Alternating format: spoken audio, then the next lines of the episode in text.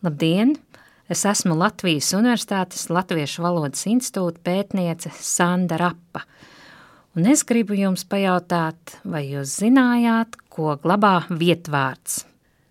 Lai gan vietvārds parasti veido viens vai divi vārdi, tie ir ļoti ietilpīgi.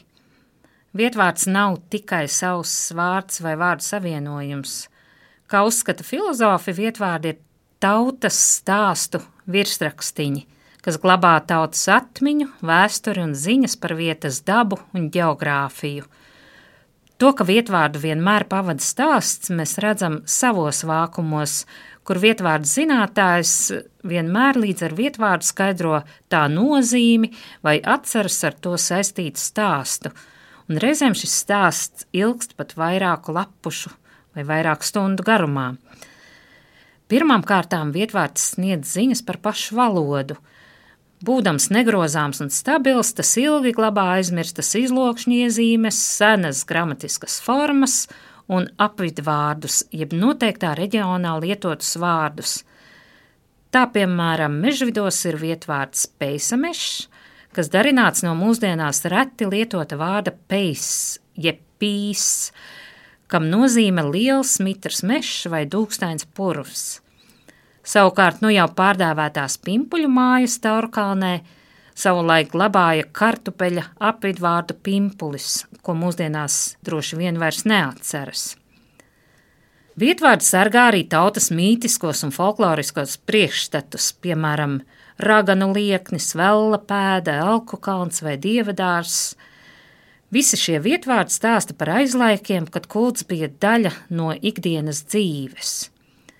Vietvārdi runā arī par cilšu un tautu kontaktiem un valodu kontaktiem. Bieži tikai valodnieks šos kontaktus var atšķitināt. Arī tad, ja latvieši nepazīstamos vārdus ir pārgrozījuši un pielāgojuši pēc savas patikšanas un saprašanas. Tā, piemēram, utupurvs Ziemeļvidzemē nebūs vispurvs, kas saistīts ar maziem kukaiņiem, bet gan ar igauņu vārdu udu – ar nozīmi migla. Tātad tas būs miglas purvs, jeb purvs, kur visticamāk krājas migla. Savukārt pīlupi dažviet būs saistāmi nevis ar pīlēm un upi, bet gan ar vācisko personu vārdu Filips.